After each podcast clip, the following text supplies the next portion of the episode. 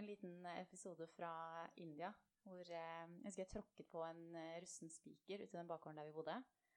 Og så måtte jeg da komme meg til legen og gikk ut, men da var det oversvømmelse i gata. Så vi hadde sånn kloakkvann opp til leggen, og da drev jeg og tråkka rundt med der det store sår under foten. Eh, og så når jeg kom til legekontoret, så var det stengt. Eh, og da kjente jeg at hårene liksom begynte å presse litt på. Da snudde jeg og så gikk hjem igjen. Og så når jeg kom hjem til jeg bodde sammen med en dansk eh, jente, så fortalte hun at vi hadde fått bedbugs. Så alle madrassene var tatt ut, eh, og det var liksom bare småkryp overalt. Herregud. Og da Ikke noe å komme hjem til heller.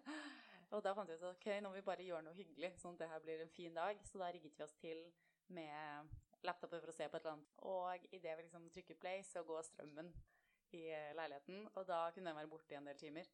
Og da kjente jeg sånn Nå vil jeg bare hjem. Nå orker jeg ikke mer eh, India.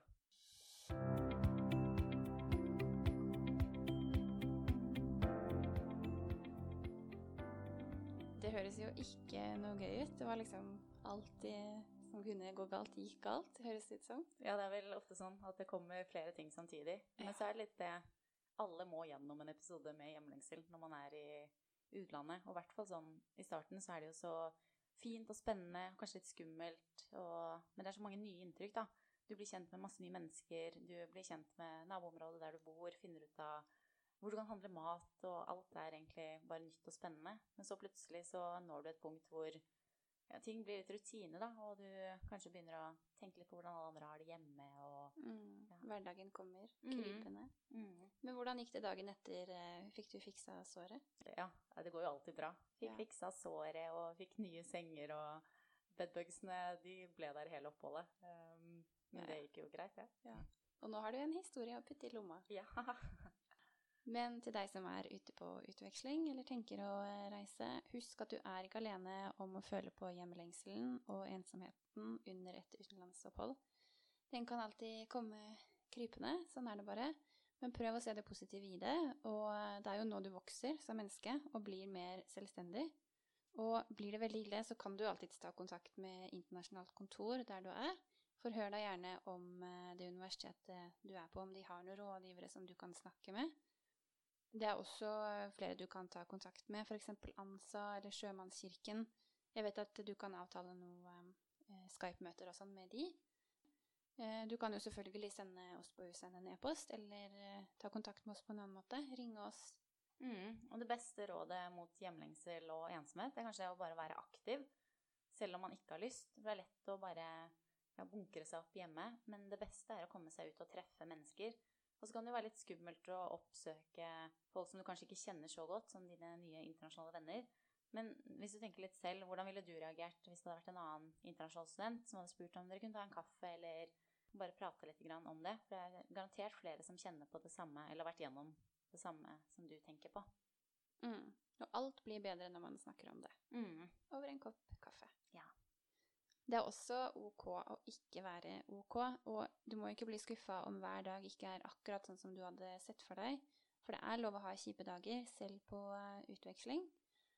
Men en anbefaling fra oss da er at eh, altså prøv å legge fra deg mobilen, kom deg ut, gjør deg kjent i nærområdet. Du trenger ikke alltid være pålogga og følge med på hva som eh, skjer hjemme. De er der når du kommer tilbake også. Så ta en pause fra Instagram, og glem det som er hjemme. Det er lett å idealisere hjemstedet eller studentbyen din i Norge da, når du savner det.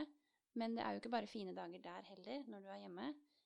Vær heller glad for at eh, du har noen hjemme som du kan savne, og fokuser på hvor fint det blir å se det igjen når du har alle de historiene å fortelle.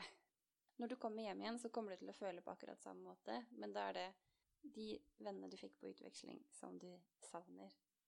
Ja. Og ja, det kjente jeg også veldig på. At idet man kommer hjem igjen, så, så savner man det stedet man var. Men litt det som du sa, Mari, at eh, det er ikke bare fine dager når man er hjemme. Det tror jeg er veldig viktig å tenke på. At det heller ikke kommer til å være bare fine dager når du er på utveksling. Og hvis du har en dag hvor du kjenner skikkelig på den hjemlengselen, kan du ta, sette av 24 timer til å bare Det er lov til å være litt deppa innimellom og bare spise norsk mat og se på norske TV-programmer og høre på norsk musikk og snakke med vennene dine hjemme og ta 24 timer hvor du er deppa, og så må du komme deg ut igjen etter det. Eh, for det er jo en helt fantastisk mulighet til at du får lov til å være ute på utveksling. Mm. Men eh, det er også lov til å være litt deppa. Så noe som kan hjelpe, er litt forberedelser før du reiser hjemmefra. At du tar med deg masse plakater og bilder hjemmefra og gjør eh, studentboligen din skikkelig hyggelig.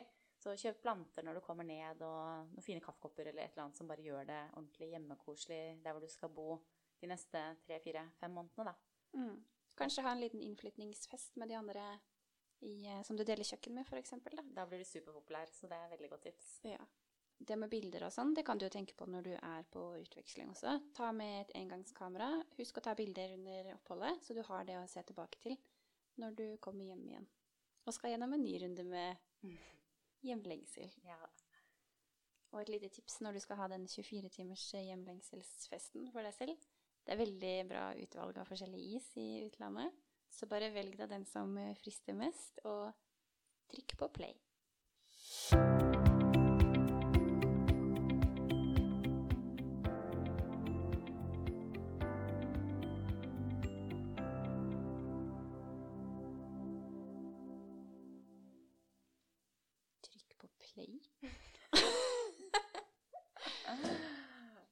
Hva mente du der?